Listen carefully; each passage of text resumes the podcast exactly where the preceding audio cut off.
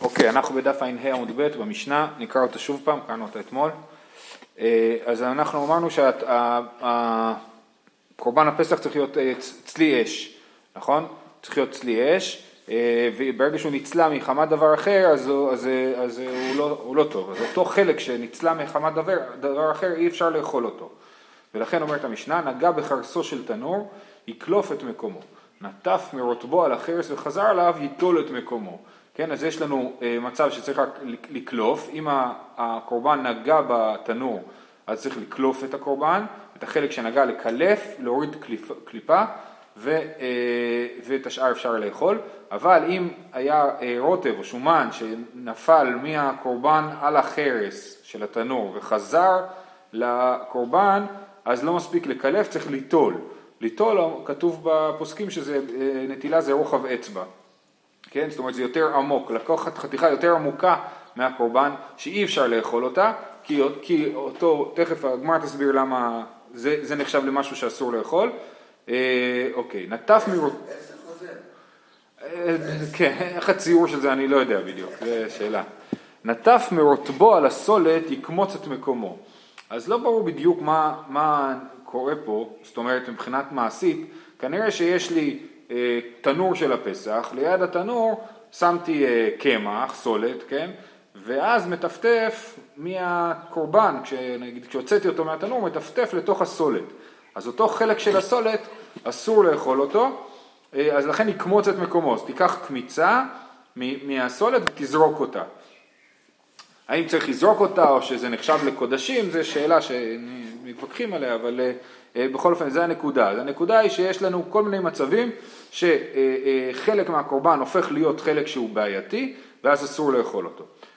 סחו בשמן תרומה, אמרנו שאפשר לסוך את הקורבן בשמן, לעשות לו טעם טוב, אז אם סחו את זה בשמן של תרומה, אם חבורת כהנים יאכלו, מצוין, יכולים לאכול זה.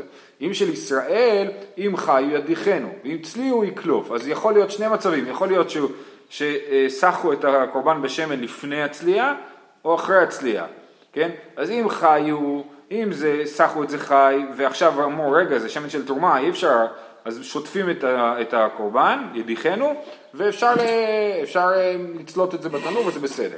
אם צלי, אם הקורבן הוא צלי, עכשיו יש לנו שתי אפשרויות, או שסחו את זה בשמן של תרומה לפני הצלייה, ואז צלו את זה ביחד עם השמן, או שסחו את זה בשמן של תרומה אחרי הצלייה, כן? בכל אופן, אומרת המשנה, יקלוף את החיצון, כן? צריך לעשות, לקלוף את כל השכבה החיצונית של הקורבן, שהיא בלעה שמן של תרומה, ולישראל אסור לאכול את השמן של תרומה, ולכן יקלוף את החיצון. סחו בשמן של מעשר שני, אז אם ישתמשו בשמן של מעשר שני זה בסדר גמור, אבל לא יעשינו דמים על בני חבורה שאין פה דין מעשר שני בירושלים. אי אפשר לגבות על זה כסף מבני החבורה כי זה ייחשב לפדיעת מעשר שני ולא פה דין מעשר שני בירושלים. אוקיי, כאן יש לנו מחלוקת אה, אה, חשובה בדיני תערובות בכלל. כן, עכשיו מה זה תערובות? זאת אומרת כאשר אה, אוכל שמותר מתערבב עם אוכל שאסור או בשר עם חלב, אז כשנגיד חתיכת נבלה נוגעת בחתיכת בשר כשר, זה לא אוסר את הבשר הכשר. אם זה נגע אז תשטוף וזה בסדר. מתי זה מתחיל להיות בעייתי? כשזה בחום, כן? אז יש לנו, הטעמים מתערבבים. איתמר, חם לתוך חם, עכשיו, אז מדובר על, על אה, איסור שנופל לתוך היתר או בשר שנופל לתוך חלב. אז אם חם לתוך חם, שני המרכיבים חמים, דברי הכל אסור. צונן לתוך צונן, דברי הכל מותר. חם לתוך צונן וצונן לתוך חם, מה קורה אם העליון חם והתחתון צונן או שהתחתון חם והעליון צונן? רב אמר עילה הגבר ושמואל אמר תתאה גבר. אז רב אומר מי שמלמעלה מנצח. ושמואל אומר מי שלמטה מנצח, מה זאת אומרת? אם, לפי, אה, נתחיל נגיד לפי שמואל, לפי שמואל, אם מה שהתחתון, הוא קובע את האופי של התערובת, אם התחתון קר, אז הכל קר, אם התחתון חם, הכל חם, ורב אומר להפך, אם העליון חם, הכל חם, ואם העליון קר, אז הכל קר.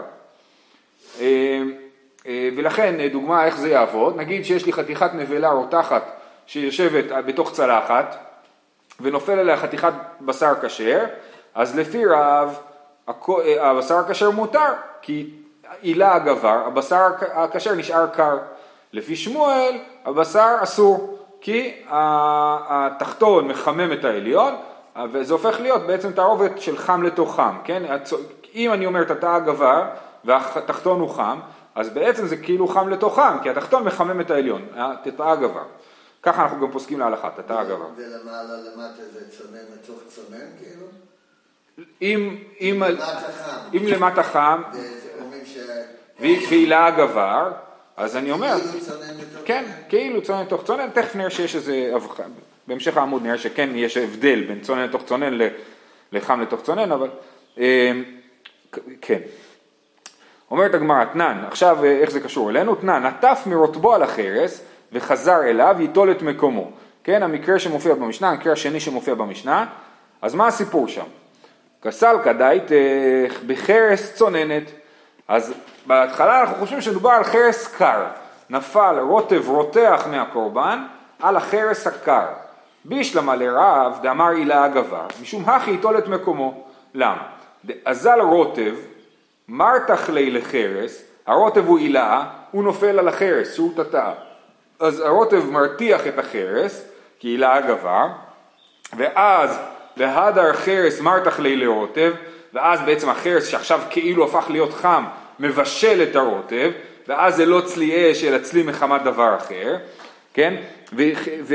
והדר חרס מרתח לי לרוטב, והדר רוטב הפסח כמיטבי פסח מחמת חמימותא דחרס, וכאשר הרוטב חוזר ונבלע בקורבן, אז הקורבן הפסח הוא נצלה מחמת חמימות החרס, ורחמן אמר צלי אש ולא צלי מחמת דבר אחר.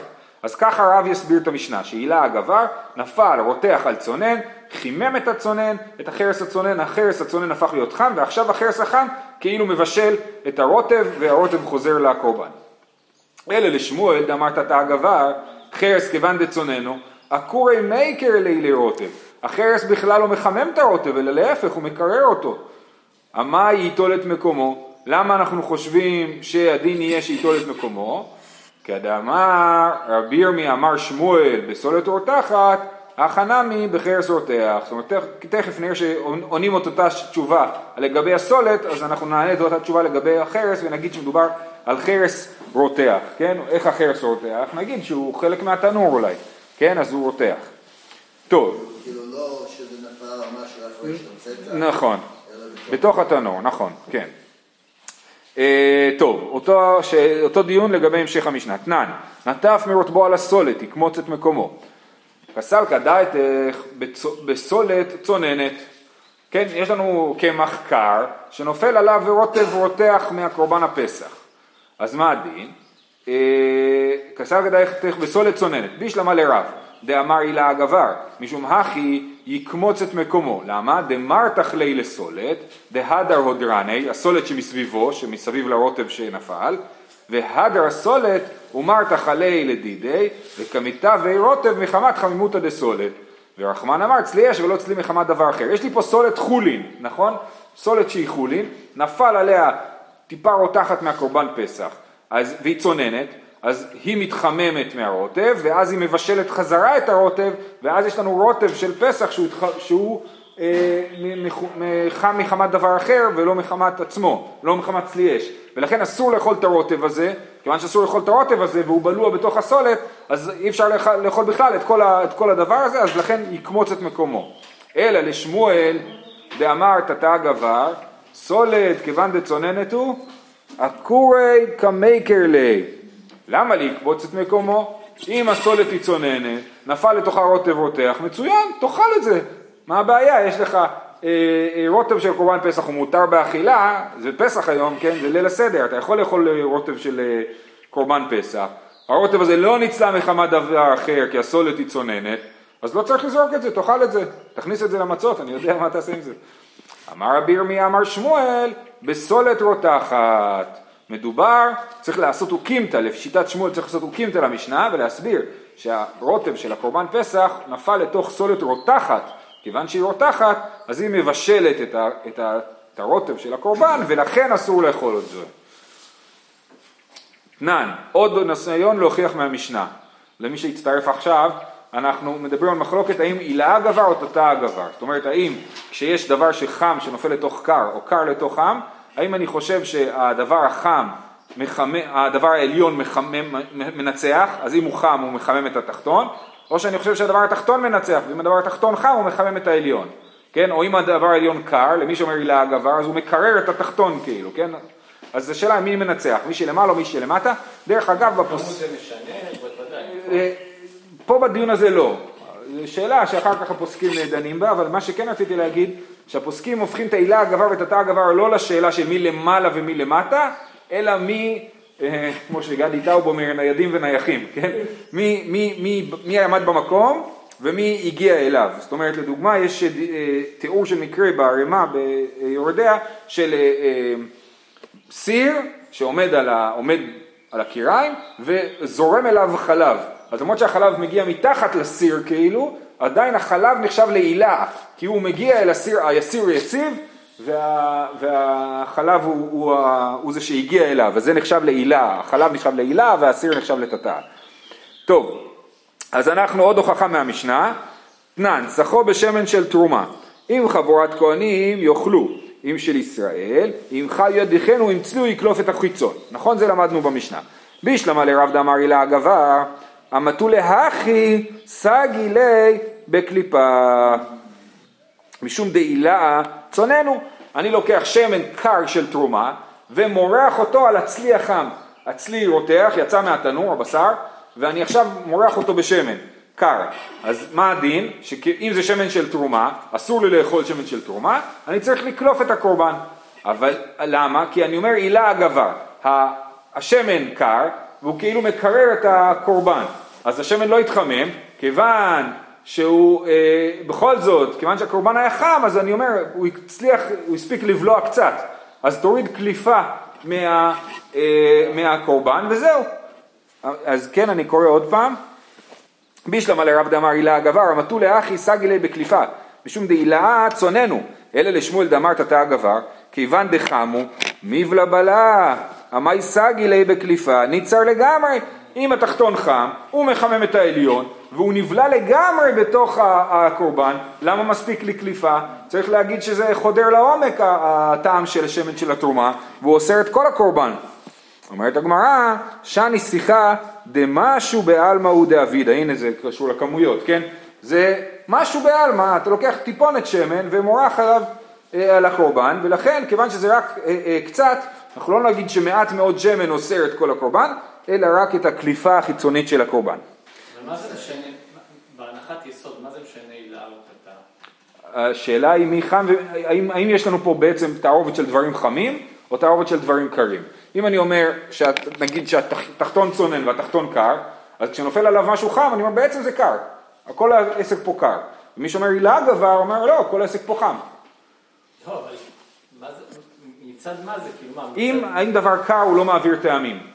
דברים קרים לא מעבירים טעם. נגיד שנוגע לך בס... אה, גבינה בבשר קר על השיש, לא קרה כלום, תשטוף. שלא יהיה לכלוך של גבינה על הבשר, שלא יהיה לכלוך של בשר על הגבינה, תשטוף את זה. אבל אם הם רותחים, אז אם תשטוף זה לא יעזור, כי הם הבליעו את הטעמים אחד בשני. טעמים עוברים באמצעות חום. אבל זה לא משנה אם זה, אם זה הגיע מלמעלה או שזה יושב למטה. זה כן, כי אם אני אומר שמה שהגיע מלמטה, אם אני אומר את התא הגבר ומה שלמטה חם, אז אני אומר, נגיד הלמטה חם והוא נבלה, בשר נבלה יושב למטה, רותח, נפל עליו בשר כשר, אם אני אומר את התא הגבר, אז גם הבשר הכשר קר, הכל הבשר הכשר אסור. למה? כי התחתון חימם את העליון, וזה כאילו שתי חתיכות חמות. אם אני אומר את התא עילה הגבר, אני אומר לא, מקסימום תוריד כדי קליפה. לא, אבל אני אומר בסברה, מה זה מש... כאילו... אתה יכול להגיד תתא הגבר או הילה הגבר? יש פה שני גופים חמים או שני גופים קרים, מה זה משנה? לא, יש אחד חם ואחד קר, זה המקרה. לא, אני אומר חם וקר, אחד כן. מלמעלה ואחד מלמטה, מה זה משנה מה בא... כאילו- החותן שלי טוען שזה שאלה של תודעה של בישול ולא של אה, אה, טמפרטורה אמיתית. זאת אומרת, מתי אתה נמצא בתודעה שהדברים האלה מתבשלים? זה פחות שאלה באמת של טעם, אלא יותר שאלה של האם אני חושב שהבשר הזה יתבשל עם החלב נגיד, כן? מה התשובה? אז שמואל אומר לא, מה, ש, מה שמבשל זה מה שלמטה, ושמואל, ורב אומר מה שמבשל זה מה שלמעלה, כן? אז זה יותר שאלה של תודעה מאשר שאלה אמיתית של טעם. אם זו שאלה אמיתית של טעם, תטעם, או תביא לגוי שיטעם את זה ויבדוק לך, כן? אז זה לא שאלה אמיתית של טעם, אלא שאלה של תודעה של בישול. ככה הוא מסביר את הדבר הזה. אם זה, אם זה מיישב את דעתך. לא, משהו שמלמעלה יותר מבשל משהו מלמטה, איזה סברה תגיד? זה לא שהוא יותר מבשל, זה יותר איך אתה מתבונן על הדבר הזה, מה אתה חושב על זה. אני חושב שמה שמלמעלה חם, אז זה הוא מבשל. ואז דווקא לפי זה הסברה של תתא הגבר היא נראית לנו יותר אה, סבירה. ובאמת, כמו שאמרתי, פוסקים ככה- על ההלכה. אז למרות שיש לנו פה שלוש קושיות על שמואל, מהמשנה, המשנה לא כל כך נוחה לשמואל, אבל הוא נחלץ בעור שיניו, אבל יש לו מלא ברייתות, אה, שני, שתי ברייתות שתומכות בו. תניא קבתי דשמואל, חם לתוכם אסור, וכן צונן שנתן לתוך חם אסור, כי תתא הגבר. חם לתוך צונן, וצונן לתוך צונן, מדיח, כן? אם נפל חם לתוך צונן, תשטוף את זה וזהו. אומרת הגמרא, מדיח, חם לתוך צונן, אה, חם לתוך צונן מדיח, כיוון דחמו, הדמייקר לי, אי אפשר דלא בעלה פורתא. כשהחם הוא, הוא, הוא למעלה, אז למרות שאנחנו רואים שהתחתון מקרר את העליון, כן? עדיין אי אפשר להגיד שה... שעד שזה מתקרר, עד דמייקר לי, אי אפשר דלא בלה פורתא, אי אפשר שהוא לא יבלע קצת טעם עד שהוא מתקרר, כן? אז אומרת הגמרא, נכון, אה, קליפה מי אני באי, אלא אם החם לתוך צונן, אז אומרים בוא נתקן את הברייתא ונגיד שכתוב חם לתוך צונן קולף, צונן לתוך צונן מדיח. עוד ברייתא כזאת, תניא אידך בשר רותח שנפל לתוך חלב רותח, וכן צונן שנפל לתוך חם, אסור, זאת אומרת הכל אסור.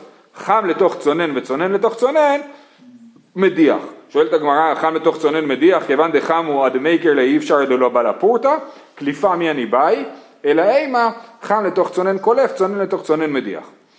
אמר מר, צונן לתוך צונן מדיח, אמר אבונה לא שנו אלא שלא מלאכו, אבל מלאכו אסור. כן, כל מה שכתוב פה שצונן לתוך צונן לא נותן טעם ורק צריך להדיח את זה, זה בדברים לא מלוכים. אבל ברגע שזה מלוח, זה נותן טעם גם כשהוא קר. למה? דאמר שמואל, מליח הרי הוא כרותח, כבוש הרי הוא כמבושל, כן? ברגע שמשהו הוא מלוח, אז הוא נחשב לרותח, והוא נותן טעם אפילו כשהוא קר. הוא קר, מלוח, אז הוא נחשב לרותח. וכבוש, אם אני כובש משהו, רש"י מסביר שזה חומץ, ועוסקים אחרים מסבירים שאפילו במים, שמשהו שנמצא ביחד בתוך חומץ, נגיד יש לי אה, בשר כשר ובשר לא כשר, ביחד יושבים בתוך חומץ, הבשר הכשר, אפילו אם לא נוגעים אחד בשני, הבשר הכשר נאסר מה, מהבשר הלא כשר, כי החומץ זה כמו בישול. אה, אמר רבא, עד אמר שמואל מליח הרי כרותח, לא אמרן, אלא שלא נאכל מחמת מלכו. מה זה מלח? כמה מלח? ברמה שזה לא נאכל מחמת מלכו. כמו שמולכים בשר אה, כשמכשירים אותו. אומרת המון מלח, אי אפשר לאכול את הדבר הזה, זה נחשב לרותח. אבל סתם קצת מלח זה לא הופך את זה לרותח.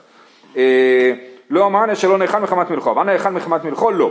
ההוא בר גוזלה דנפה לקדא דקמחא, נפל גוזל לתוך, אה, זאת אומרת גוזל לאמת, שחוט, אה, לתוך אה, כד של כותח. כותח אמרנו שהוא חלבי, נכון? אז ההוא בר גוזלה דנפל לקדא דקמחא, שריה רב חיננה ברדר רבא מפשרוניה. אמר רבא מנחקים למישרא מילתא כיהה אילה רב חיננה ברדר רבא מפשרוניה דגבר רבא הוא. כן, רבא אמר מי כזה חכם שיכול להתיר דבר כזה? רק רב חיננה. כי הוא גבר הרבה. אמר לך, למה הוא התיר? כי אמר שמואל מליח, הרי הוא כרותח שאין אחד מחמת מלכו. אז הכותח הזה הוא מלוח, כן, הוא חמוץ מאוד, הוא מלוח, כן? אמ, אמ, אז, אה, אבל הוא נאכל מחמת מלכו, כן? אז היי נאכל מחמת מלכו, ולכן הוא לא אוסר את הגוזל. והני מילי חי, אבל צלי באי קליפה. לפי רש"י, אה, מדובר פה עדיין על גוזל קר, כן?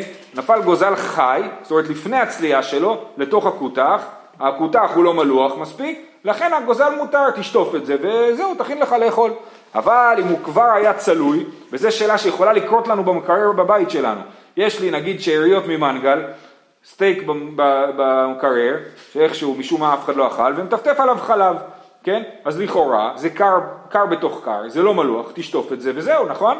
אבל, אבל צלי באי קליפה, אם זה דבר צלוי הוא באי קליפה, כי צלי הוא קצת צדוק והחלב לא יכול לצאת בשטיפה בעלמא וצריך לקלוף אותו. ולא המרן, אלא דלית בי פילי, כן? אם איתבי פילי אסור, ואם יש סדקים בצלי הזה, אז זה נאסר לגמרי, ולא מספיק אפילו קליפה. ואם מתובל בתבלי אסור, וגם אם מתובל אז אה, הוא אסור, למה? אומר הרש"י שהתבלין מרכך את הגוזל והוא, אה, ומייצא ובלעי לקותך, הוא אומר, הוא כאילו מוצץ את הכותח, התבלין גורמים לבשר לבלוע יותר, אה, כותח, ולכן זה אסור. זהו, עד כאן היה סוגיית חם לתוכם, הערה לגבי מליח, ועכשיו אנחנו הולכים לדבר על רחה. מה זה רחה? כשיש שני דברים שנצלים ביחד בתנור. עכשיו, לא מדובר פה על דברים שנצלים אחד אחרי השני בתנור, בכלל לא, כן? כל מה שאנחנו מקפידים יותר או פחות, כל אחד לפי המנהג שלו, לא לצלות באותו תנור בשריך ואז חלבי או להפך, זה לא קשור לרחה. רחה זה רק כשצולים שני דברים ביחד. הסיבה שאנחנו לא צולים ביחד בשרי אחרי חלבי, לא ביחד, בשרי אחרי חלבי וכדומה, זה לא בגלל הרחה אלא זה בגלל זיעה. הזיעה עולה מהמאכל ונדבקת לדופן, לגג של התנור ואז אה, יש כאלה שחוששים שזה נופל חזרה לתוך המאכל השני. אבל רחה זה רק ששני דברים ביחד, אז על זה מדובר. אמר רב... אה, לפני שעושים... כן, אז יש, אני אומר, יש כל מיני פתרונות, כן? רק אני אומר, החשש הבסיסי הוא לא חשש של, של רחה, אלא של זהה. בסדר? אה, בשר, אמר רב, בשר שחוטה שמן, שצלעו עם בשר נבלה כחוש. כן, יש לי בשר שחוטה, כשר, שמן, שצלעו עם בשר נבלה כחוש, אסור. מה איתם המפטמי מהדדי? זאת אומרת, אומר הרב, בעצם אומר, לא, ד, כאילו, אם הבשר נבלה שמן והבשר שחוטה כחוש, ברור שהבשר שחוטה אסור, אבל אפילו אם הבשר שחוטה הוא הבשר השמן, והבשר נבלה הוא הבשר הכחוש, גם כן הנבלה מתפטמת מהבשר השמן, זאת אומרת מקבלת שומן מהבשר השמן, ואז הריח שלה מתפשט יותר ומגיע גם לבשר הכחוש, לבשר, אה, סליחה, מגיע לבשר השחוטה. אה, מה איתם המפטמי מהדדי, כן, הם מתפטמים אחד מהשני. ולוי אמר, הפוך, אפילו בשר שחוטה כחוש, שאצלו עם בשר נבלה שמן, מותר. מה איתמה? ריחה בעלמא הוא, וריחה לאו מילתאי. ריח זה כלום, ריח זה לא שווה כלום, ולכן גם תגיד לי, אבל אני מריח את הבשר נבלה בתוך הבשר השחוטה, זה כלום, זה לא מעניין אותנו. שזה לא הלכה, מחלוקת, אה, מחלוקת. בעיקרון אה, אה, הספרדים פוסקים שערך עליו מילתאי, וגם רש"י, אשכנזים החמירו בזה יותר, אבל גם בתוך זה יש כל מיני תנור גדול, תנור קטן, כל מיני זהו, פרטים. זה לא נראה לי תנור הקלאסי שהוא סגור, זה תנור משהו שהוא... אז לא, אז, אז יש תנור גדול, תנור קטן, תנור שפתוח מהצד, תנור שפתוח מלמעלה, יש בזה כל מיני פרטים בפסיקה של ההלכה. אוקיי, עבד לוי עובדה בארש גלותא בגדי ודבר אחר.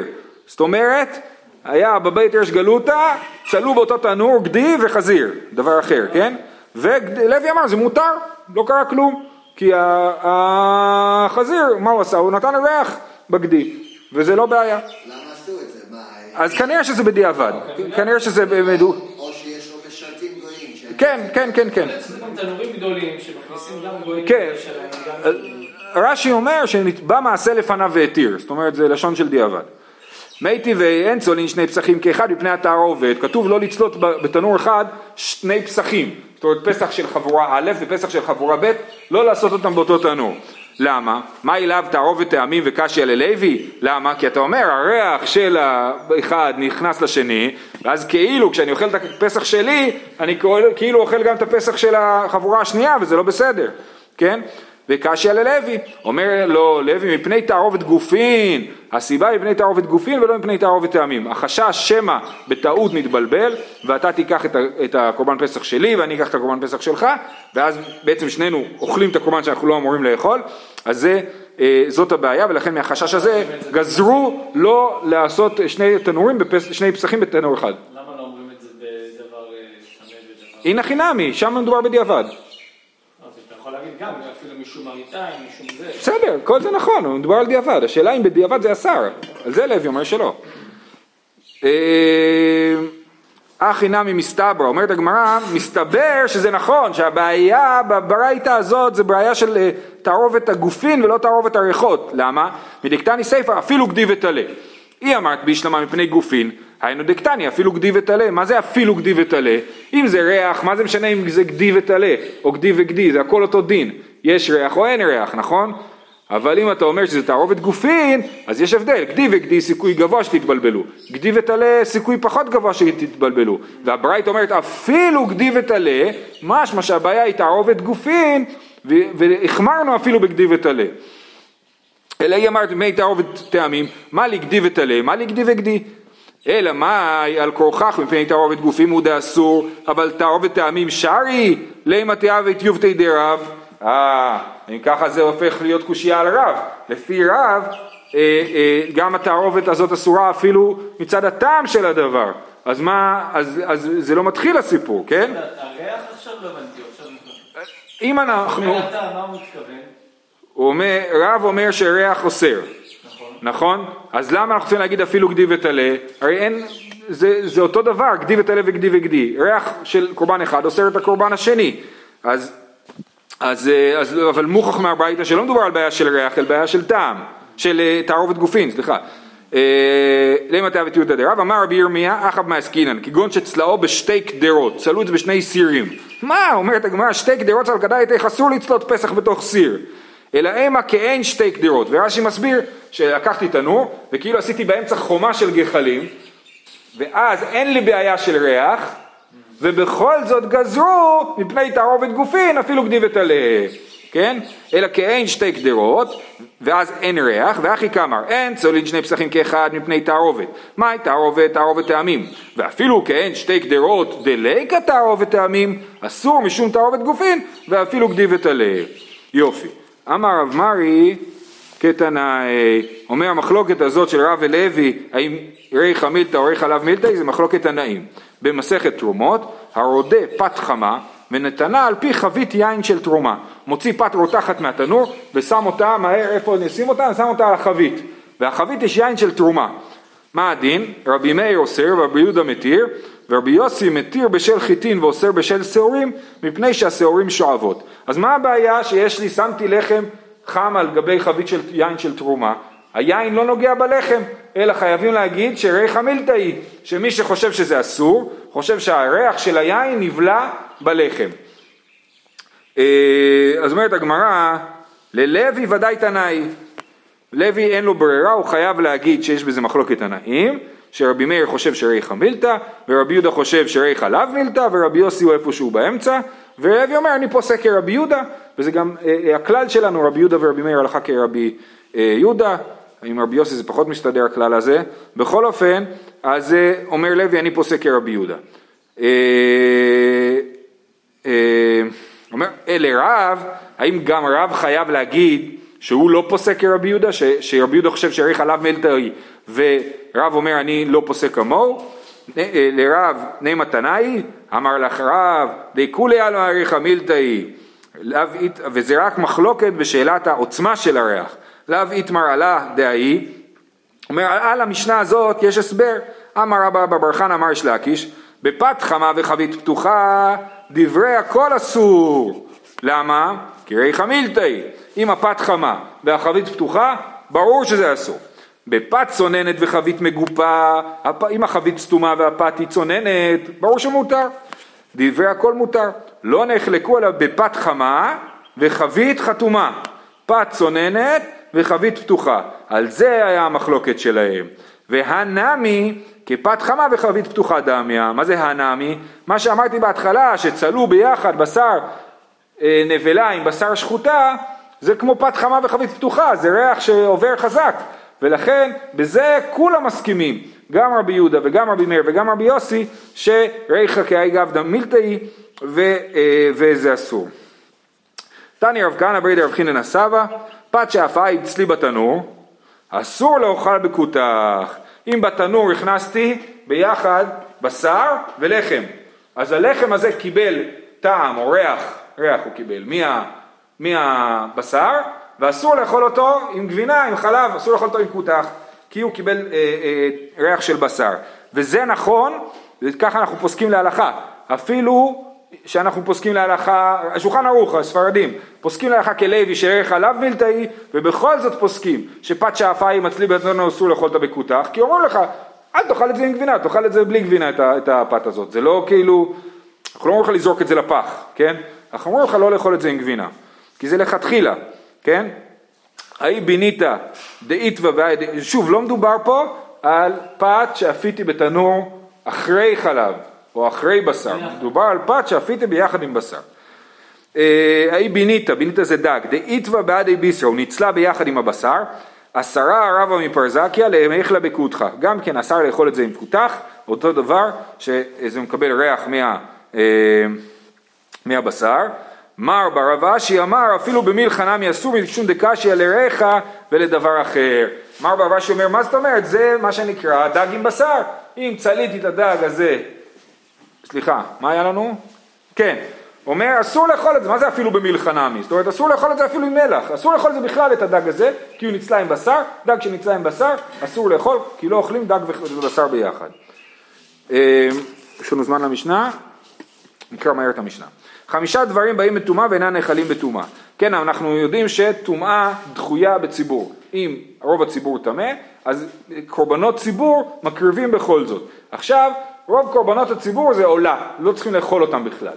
אבל יש קורבנות ציבור שגם אוכלים אותם, הכהנים, שהם אה, אה, העומר ושתי הלחם ולחם הפנים וזבחי שלמי ציבור וסירי ראשי חודשים. כן, מה זה העומר? זה קורבן העומר בפסח, שתי הלחם בשבועות, לחם הפנים כל שבת, זבחי שלמי ציבור זה הכבשים שבאים ביחד עם שתי הלחם, הם קורבן שלמים והם נאכלים, וסירי ראשי חודשים, הסירי חטאת שמקריבים כל ראש חודש, גם הכהנים אוכלים חלק מזה. אז כל הקורבנות האלה, חמישה דברים באים בטומאה ואינם נאכלים בטומאה, לא אוכלים את זה. כל מה שצריך לאכול זורקים. למה? כי זה שהטומאה דחויה בציבור לא מתיר לנו לאכול את זה בטומאה. אבל פסח הוא מיוחד, הפסח שבא בטומאה נאכל בטומאה שלא בא מתחילתו אלא לאכילה. וכאן שוב פעם חוזר העיקרון שדיברנו עליו, שהעניין של קורבן הפסח זה האכילה שלו, האכילה שלו בבית היא כמו הקרבת קורבן, אז אם אני מתיר, לאכול, מתיר להקריב פסח בטומאה ולא מתיר לאכול אותו, לא עשיתי כלום, אלא חייב להיות שכשהתרנו להקריב את הפסח בטומאה, התרנו גם לאכול אותו בטומאה. כי מתחילתו אינו בא אלא לאכילה, שיהיה שבת שלום לכולם.